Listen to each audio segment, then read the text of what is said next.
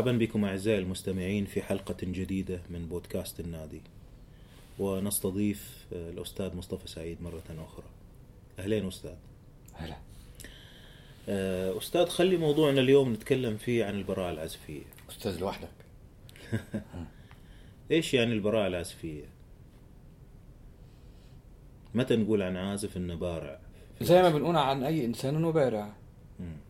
إذا بلغ في آه، صنعته الحذق مهم. حاذق صنعته فهو بارع مهم. إذا أبدع مش بس آه، حذق. يعني إنه ابتكر بقى يبقى يعني بعد مهم. البراعة ليها علاقة بهو ماذا استوعب وماذا أنتج. وهنا إحنا طبعا نتكلم عن آلة آه، ما ودنا نروح للغناء خلينا نركز نفس الشيء. نفس الشيء نعم. مم. نفس الشيء هو بالنهاية الصوت حيتمرن يعني. إذا حيتمرن عزفا على آلة أو عزفا على صوته نعم ما هيش آه، بعيدة لأن في جانب من الإتقان للآلة وفهم الآلة والتمكن منها نفس الشيء بالحنجرة. في جانب إذا يعني إذا اتكلمنا فعلا بقى بصدق يعني نعم. إيه إنه لازم الواحد يكون فاهم أبعاد صوته من وين يطلع صوته. في ناس حتى ما بيعرفوش هم. كيف يطلعوا حروفهم مثلا. ما. يعرفوش. ما يعرفوش آه، إنه إنه إنه في ال soft palate وال hard palate وال vocal cords ما يعرفوش آه، ما يعرفوش مخارج الصوت منين. ما يعرفوش ال- ال- اللهاه آه، والحلق واللسان اللسان ال- ال- القريب والأوسط والبعيد. والأوتار الصوتية والحنجرة وعظمة الأنف مم. آه، والسنان ما يعرفوش والشفاه وإزاي ما هو الحرف المصوت والحرف غير المصوت نعم هذه أيضا في الصوت تقابل إنك تعرف أدواتك في الآلة مهم. نعم على فكرة يعني بس يعني عشان نكون منصفين لا صحيح تمرين الصوت إنك مم. تعرف أبعاد صوتك وأبعاد جسمك. زي بالضبط معرفة أبعاد الآلة اللي أنت بت- بتعزف عليها نعم نعم أه، حبيت أركز على الآلات لسبب وحيد إن أه، يعني أنا مش هركز معاك على الآلات بصراحة خلاص، يعني أنا همشي براحتك. همشي على البراعة في إيه. النغم في طيب. إنتاج النغم طيب براحتك الآن كيف نميز بين بارع وغير بارع يعني هذه لغويا وصفيا استطعنا يعني نشير إليه لكن عمليا كيف أقول أن هذا العازف بارع مثلا أو هذا المطرب هو بقى بارع في إيه أيوة يعني مم. مثلا في عازف من العازفين جالي بيعزف عود. إذا سمعك رياض السنباطي لا يمكن تفرقه على رياض السنباطي. إذا عزف زي الاصابجي لا يم- يعني يصعب جدا تفرقه عن الاصابجي. إذا عزف زي جميل بشير يصعب جدا تفرقه عن جميل بشير تمام هذه برعة. نعم. وتحمد. نعم. في عازف تاني مثلا يجي يقول لك أنا عازف لك آه، أبهرك. طول الوقت. برع وجهة نظر إبهار. نعم. في عازف تاني يسمعك جمل يطربك ي... يقول يعني حاجات آه، من من الر- الراس تعجبك. كمان يحمد نعم فحسب إيش تقصد بالبراعة مم. وأنا دايما بقول للعيال آه، لازم تتقنوا الكل. لازم يكون عندكم براعة تقنية. ولازم تسمعوا اللي قبلكم لدرجة التماهي معهم. بس النتيجة النهائية يستحب لو يكون من النوع التالت بقى. إنك تنتج لي جملة تخليني أحب رأسك. نعم. قبل ما أحب مثلا في العود. صابعك ورشتك. نعم. أو قبل ما أحب تحكمك. في عضلات آه، صدرك وحنجرتك أو قبل ما أحب نفسك في النفخ أو قبل ما أحب القوس. تخليني نعم. أحب راسك أول شيء. نعم. جميل. إذا البراعة لها عدة أوجه. لما آه، نواجه مشكلة البراعة وين كانت واليوم وين كانت. هذه مشكلة الآن. عندنا براعات تختلف باختلاف البلدان وتختلف باختلاف الأزمان. أما تختلف باختلاف البلدان فحسب نهضة كل بلد وأما تختلف باختلاف الأزمان فحسب اختلاف الذوق وهيرجعنا لنفس النتيجة اللي هو الناس فين. يعني مثلا إذا أخذنا البراعة أثناء الثورة الصناعية. كانت دايما البراعة التقنية. نعم. حتى في الآلات وحتى في الاختراعات وحتى في كل شيء. نعم. حتى لو كان في عمال بيموتوا في المصانع يوميا حتى لو كان. في آه، آه، يعني حتى في فيلم بي- بيصور لك آه، إنه في موسيقيين كانوا بيموتوا من التدريب. في الأوركسترات وكانوا يكرهوا اللي هم بيعملوا طب مزيكة إيه دي اللي تخلي الواحد يكره ال-. مع إنه بارع تقنيا نعم ف براعة الثورة الصناعية كانت براعة تقنية. استعراض عضل نعم في كل شيء مم. في عصر ما البراعة زي ما قلت لك براعة الرأس مم. ماذا تنتج نعم من هذا من القدرات التقنية مم. في عصور اللي هي بيكون عندهم حنين للماضي مم.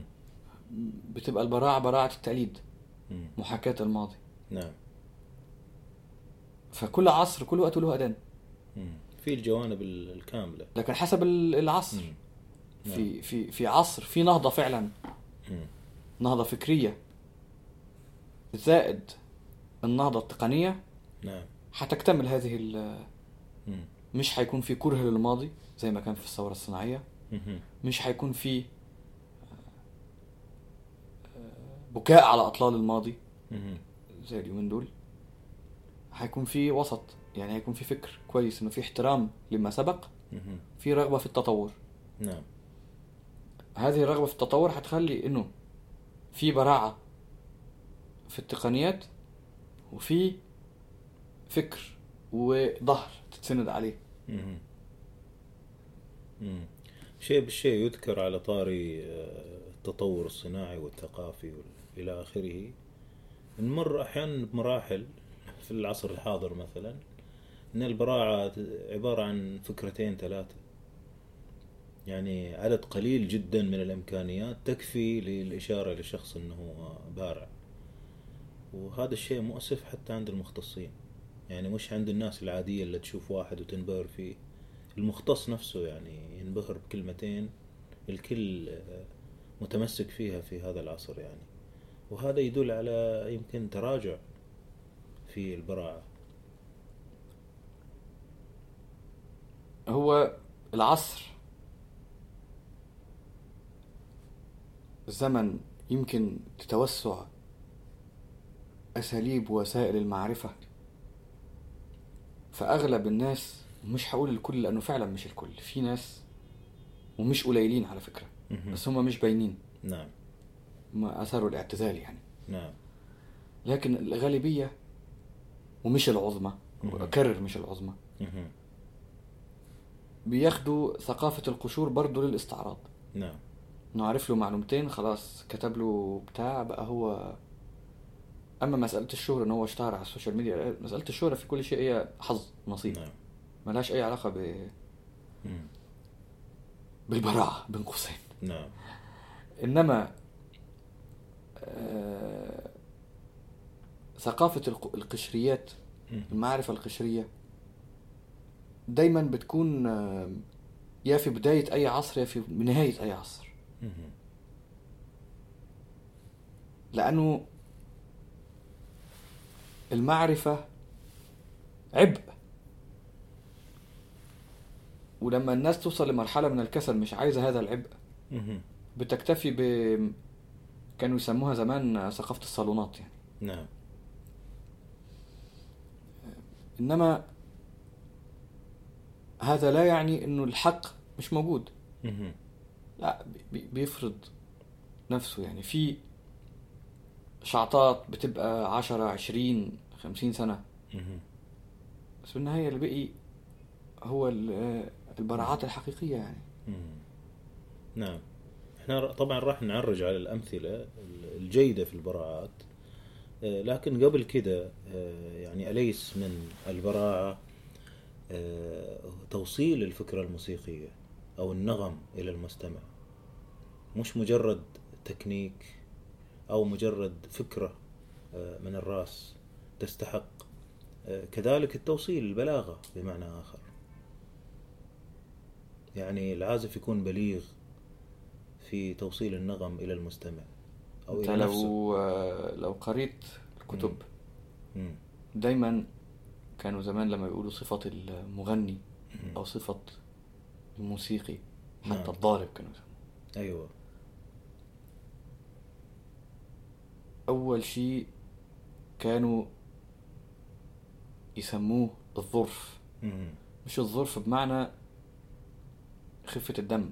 مش مش مش اللي هو بيعرف يضحك لا لا إطلاقا.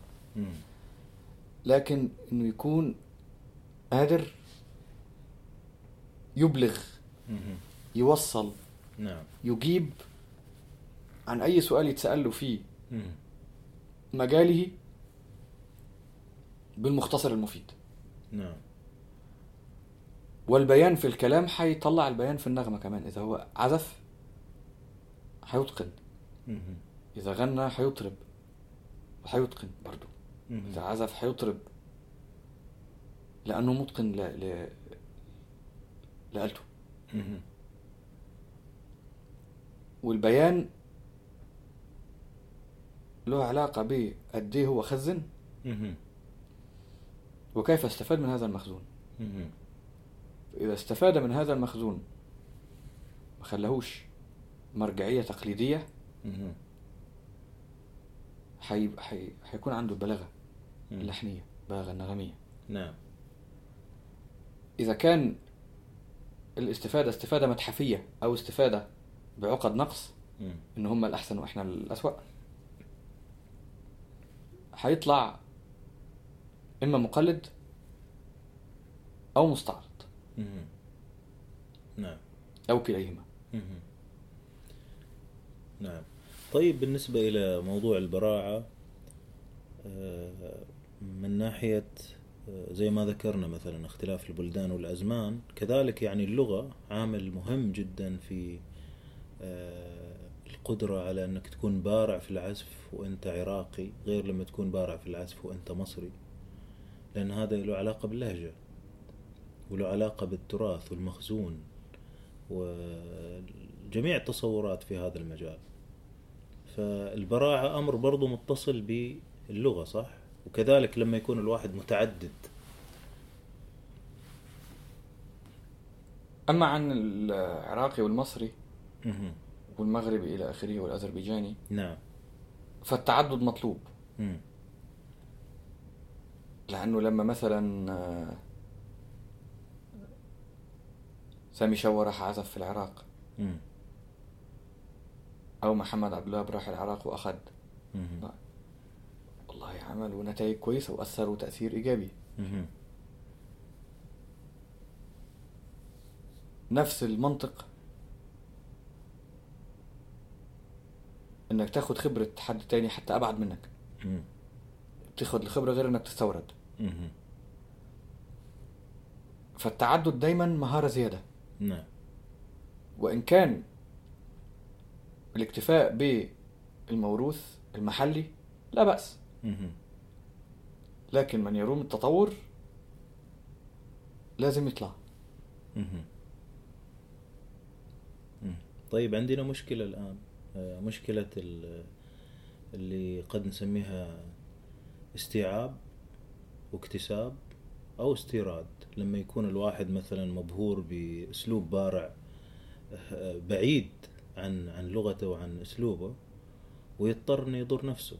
مثل اللي قاعد يصير مثلا في اكتساب حليات هندية اكتساب حليات أو مهارات تكنيكية غربية أو تركية تكون هجينة على مثلا عزف مصري أو عزف سعودي أو عزف كيف نحل المشكلة هذه؟ نفس اللي قلته هجرب أفصله. كون إني أنا أسمع هندي وتركي وغربي و... وأشوف إيش خبراتهم. طبعا في التركي بالذات هم بيعزفوا نفس مقاماتنا نعم. فبالتالي مش مجرد هشوف خبراتهم لا ده أنا كمان هشوف هو بيتعامل مع النغمة إزاي. تمام. لكن على كل حال كون إنك تاخد الخبرة غير إنك تمسخ نفسك. مهم. اللي حصل مش بقى هقول لك في العزف إنما في الموسيقى كلها. مهم. من 100 سنة لليوم إن كلمة تطور مرادف لكلمة استيراد. فنفس المنطق العزف وهو انبهر بكم آه، حلية هندية بنت حلال فما بقاش يقول غيرهم. ونسي نفسه نعم أو انبهر بكم كابريتشو برضه نسي نفسه مهم. أو جرب والله إن هو يعمل الكابريسيو والله راست حتى يعني إنه اللي هو بقى بيقول إن أنا يعني لا متجذر في الأصول. لا. مش المطلوب. استفيد بالتقنية. لأنه النغم هو تراكم زمن. بس مش ضروري تمسخ نفسك. يعني لأنه الناس حضارات والحضارات بتستفيد من بعضها لكن ما تمسخش بعضها.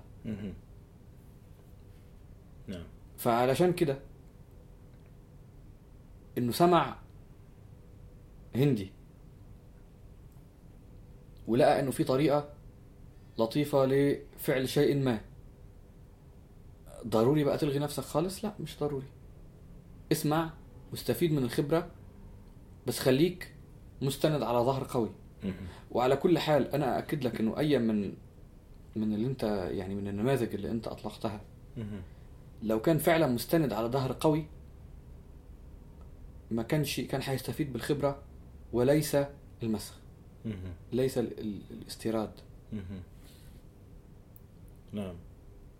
طيب إيش مكونات البراعة الآن لما نجي إلى تفصيل مثلا في العود أو تفصيل في الكمان أو الناي؟ كيف كيف الواحد يعني يبني هذا الشيء؟ أو نشوف مثال أعلى مثلا نقول والله فلان بارع لأن عنده الأشياء الفلانية مخزون أدوات إنتاج مهم. المخزون يعني استماع المخزون والأدوات مش. مجرد الاستماع بقى الحفظ كمان أيوه المخزون والاستماع والحفظ مهم. الأدوات هي البراعة التقنية المنا- المباشرة جدا مهم. ثم الإنتاج بعد ما أنت خلصت مم. المخزون والأدوات أي متى هتبدأ تنتج يمكن حسب وقتك يعني حسب حسب قديش انت. بس لما يكون عندك قدر ما من المخزون وقدر ما من استيعاب الأدوات هتقدر تنتج. إذا الإنتاج منعك مواصلة المخزون ومواصلة تنمية ال- الأدوات فإنتاجك هيظل محدود. باللي عندك نعم فهي عملية دايما متبادلة نعم. الإنتاج حاجة الحاجة نعم. دايما تستدعي الجديد. نعم. الجديد هيستدعي المخزون. نعم. مخزون هيستدعي إنك تنمي مهاراتك أدواتك. مهم. فهذه الثلاثية دايما متقاطعة. تمام. ممتاز. خلينا نتوقف عند الأدوات. ممكن تفصل أكثر مصطفى؟ لا أنا مش هتوقف عند الكل. مم. طيب. هبدا بالمخزون. أحسن. انت تسمع مم. وتحفظ. تمام. وتحفظ علشان تنتج بعدين. مش لما تنسى وإنما تراكم الحفظ هيخليك تنتج. نعم. تسمع ما لديك. ولما تسمع ما لديك من الآلة اللي انت عايز تتقنها مثلا. تسمع غير آلات. نعم. من نفس التقليد. وبعدين تسمع من بره تمام. وتشوف. وتحفظ. مهم. تراكم حفظ كتير. نعم. ملك الأدوات.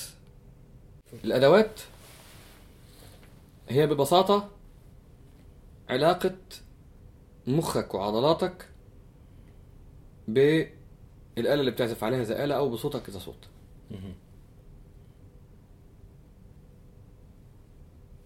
فأنت كل يوم الصبح بتقوم بتنمي هذه المهارة تحافظ على سلاسة عضلاتك تحافظ على لياقتك البدنية مع آلتك. أو مع صوتك نعم مثلا كم ما من تمارين القوس والصوابع في الكمانجة أو. الريشة والصوابع في العود أو النفس. والصوابع في آلة النفخ أو النفس وال والحنجرة في الصوت مهم. جملة أنت مش عارف تقولها بش... متقنة جملة أنت مش عارف تقولها متقنة تدور على الآلية اللي تحسن علاقة عضلاتك بالآلة أو علاقة مخك بعضلاتك إنه عضلاتك تستجيب لمخك على الآلة مثلا. تدور على التمرين المناسب ليها لقيته لقيته ما لقيتوش ابتكر لنفسك.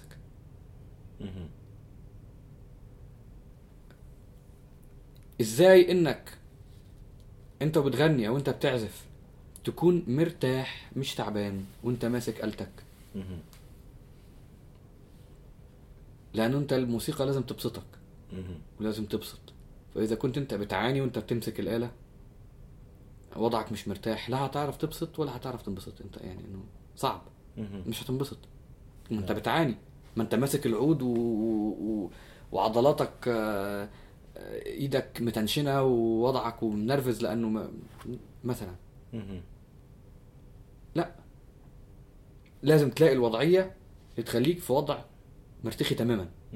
على أي آلة كانت حتى نعم. وأنت بتغني لازم تلاقي التمارين اللي تحسن إذا أنت آلتك بتستوجب اليدين تلاقي التمارين اللي تحسن علاقة إيدينك ببعضهم. مش إيد سابقة إيد في التقنية. لازم يكونوا متوازيين. حركة مثلا القوس مع الأصابع إيدك الشمال أو حركة الريشة مع الأصابع. لازم يكونوا متزنين. العلاقة بين المخ والإيد. إنه مش إن طول الوقت. لا إمتى تسكت.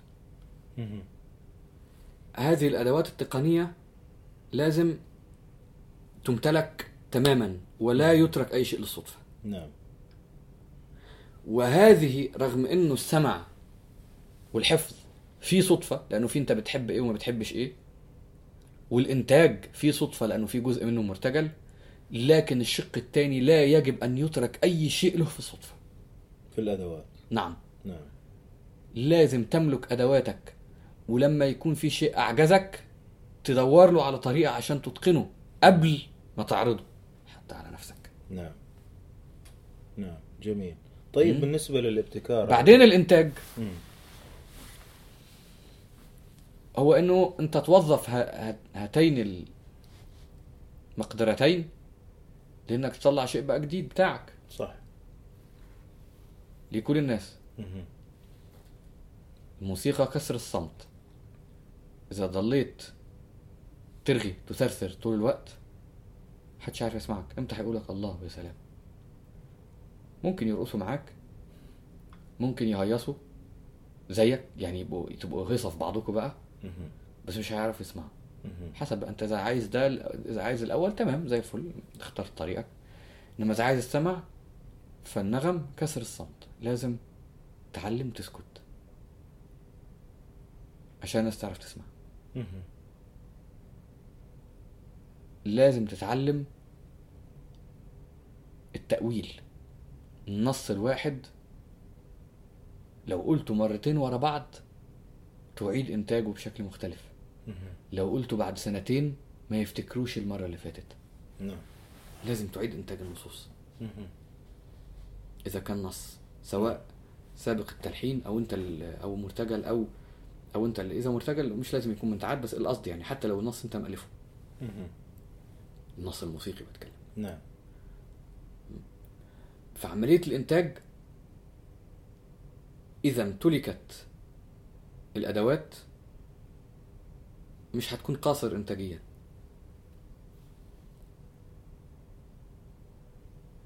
هتقدر أي يعني إيدك ملبياك تقول اللي أنت عايزه. لكن إذا ما كانش فيه حفظ هتبقى استعراضي مش هيكون عندك مخزون. نعم. تسند ظهرك عليه وفي علاقة بين التأويل وبين آه، موضوع ال- البراعة في التأويل. لأن أنت راح تقول الشيء بشكل مختلف سواء كان هذا الشيء في المخزون أو التراث أو التقليد أو كان من ابتكارك صحيح. وهذا قد يحتاج آه، جهد في البراعة أيضا وإلا أصبحنا مكررين. صحيح. طبعا البراعة هذه زي ما رجعنا إلى اللغة وإلى في براعة آلية وفي براعة صوتية. قد أحيانا ننقل من الصوت إلى الآلة لكن أحيانا نبتكر ونخترع أشياء بس لأن الآلة فيها أربعة أوتار أو ثمانية أو عشرة أو نوع الريشة وأنت أخبر في المواضيع هذه وهنا تأتي أنواع أخرى من من البراعة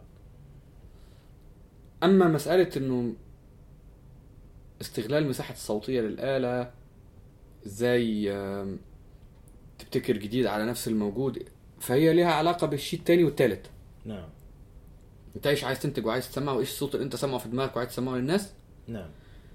وما التقنية اللازمة لإنتاج هذا؟ مهم. وما التقنية اللازمة لإنتاج هذا؟ نعم. الناتج اللي أنت عايز يكون مسموع. نعم. هنا علاقة مخك بعضلاتك. وعلاقة عضلاتك بالآلة وعلاقة مخك بعضلاتك والآلة. نعم. يعني كل هي العلاقة المتشابكة دي. والخبرة. ها؟ والخبرة. مم. والخبرة. نعم. بس أرجع وأقول لك إنه إذا أنت سامع صوت في راسك مم. عايز تطلعه من هذه الآلة مثلا. مم. وما عملتلهاش التقنية المناسبة وتركت الموضوع للصدفة عمرك ما هتكون مقنع. نعم. جميل. وين يقع الأسلوب من البراعة؟ أسلوب العزف. نعم. أو الغناء. اللهجه أنت اتعلمت هذا التقليد. نعم. الفلاني. مم. ووظفته. وخلاص حذقته قصدي. تعلمت هذا التقليد وحذقته. مهم. أصبحت حاذقا لهذا التقليد. نعم. بعدين اطلعت على تقاليد أخرى. نعم. ووظفت منها ما يلائم المخزون اللي عندك. نعم. هذا معناه إنه أنت قدرت إنه أنت ما تمسخش نفسك. تمام نعم بينما اللي عنده مثلا عقد. أو يعني عنده رفض لما لديه نعم فبيروح رأسا على مكان تاني يبدأ منه. بي بي بيصير مش بيحصل معاه مشاكل مع اللي هو اتعوده في الجينات يعني جده وجدوده نعم واللي هو اتعلمه جديد مهم. فبيحصل تضارب نعم في ناس بيقدروا يتغلبوا عليه وفي ناس ما بيقدروش مم. واللي بيقدروا على كل حال يعني أنا لسه معلش يعني بس مع, مع كامل احترامي لكل ال-.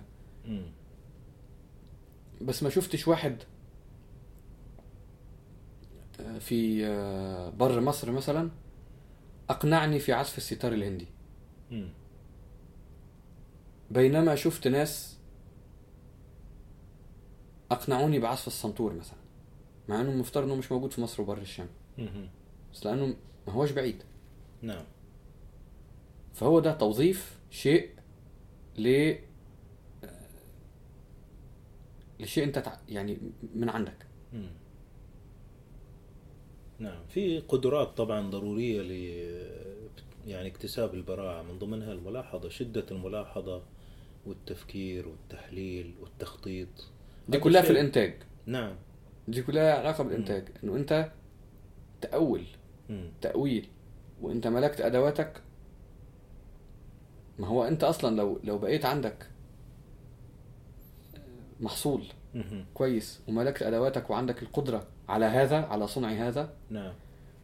هيكون عندك آليا قوة الملاحظة. لأن هو شوف ما هو إذا أنت ملكت ال- الرصيد إنك قادر إنك تحفظ وتسمع وما بتملش. وقادر إنك تتدرب وتكرر وتبتكر ما ينقصك تقنيا إذا وجد. وتطلع عشان تشوف جديد. نعم.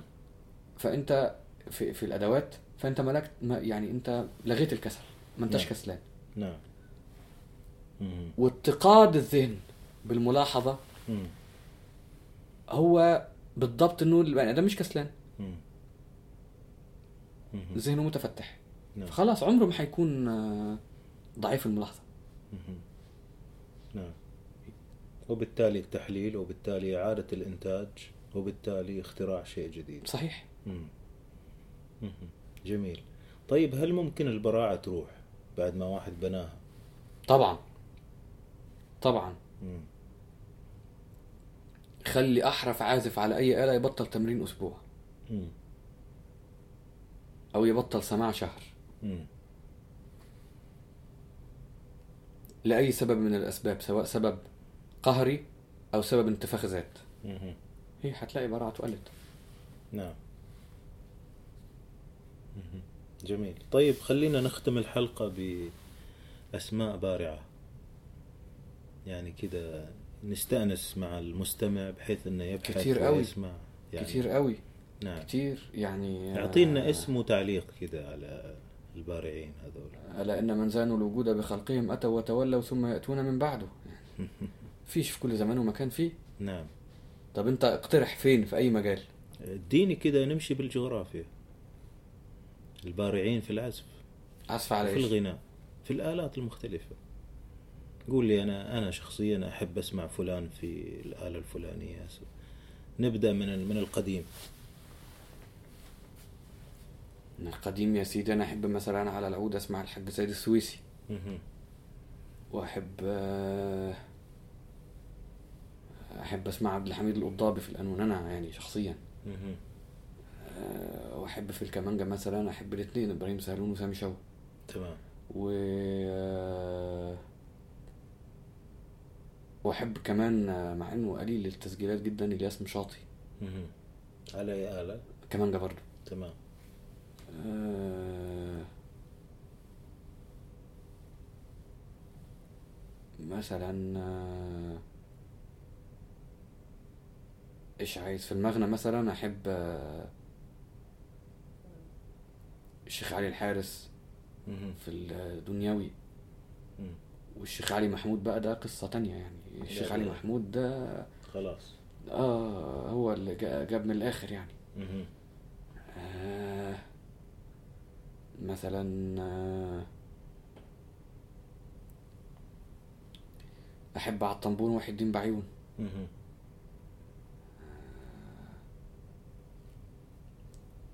أحب المغنى مثلا بتاع آه محمود الكويتي وعبد اللطيف الكويتي أحبهم. محمد القبانجي يا سلام. و آه، وواحد تاني اسمه عبد الفتاح القباني نعم ونجم الشيخلي كمان بحبهم نعم. كتير ده في المغنى في المقام في المقام نعم العراقي نعم مم. آه في أحمد الشيخ مم. دول كلهم عندهم براعات ها؟ في آه طبعا. مقنعة بالنسبة لك. إيه. مم. في واحد اسمه عبد الرحمن مؤذن. مم. في خميس ترنان. مم. يعني جميل.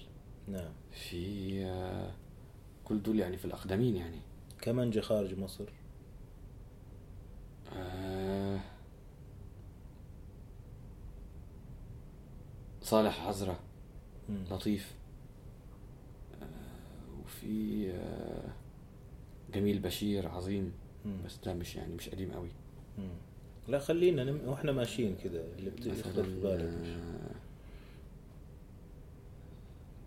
على الكمان على الكمانشيه الجوزة يعني مم.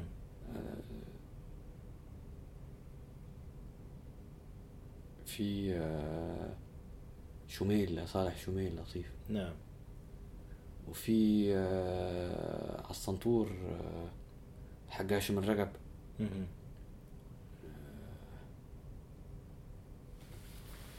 طيب العثمانيين الفرس الأذربيجان ال... آه، حدث ولا حرج. أحب إيه. مثلا آه، أحب مغنى شجريان وأحب آه،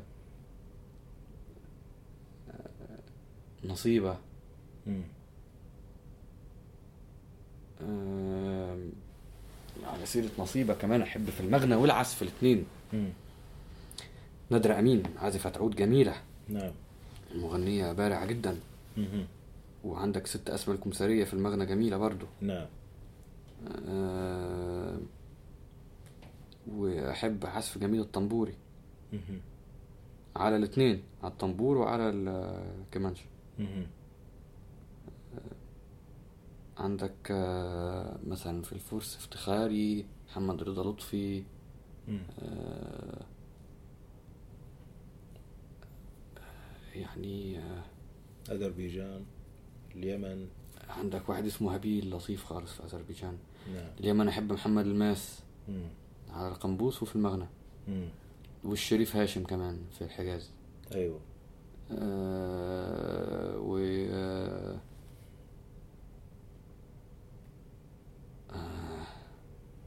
كتير آه ش- ب- ش- بشرحيل مم. اليونان. اليونان أنا مش سامع كتير آه. ناس قدام. يعني سامع واحد كمانجاتي حلو قوي بس مش عارف اسمه. مش مكتوب على الاسطوانه اسمه. وسامع واحدة كمان بتغني بس برضه مش مكتوب على الاسطوانه اسمها. أها. نعم. آه إنما مثلا في واحد اسمه سقراطيس معروف. في واحد اسمه روسديلي حديثين. نعم. كلهم يعني زي الورد. نعم. اليونان نعم.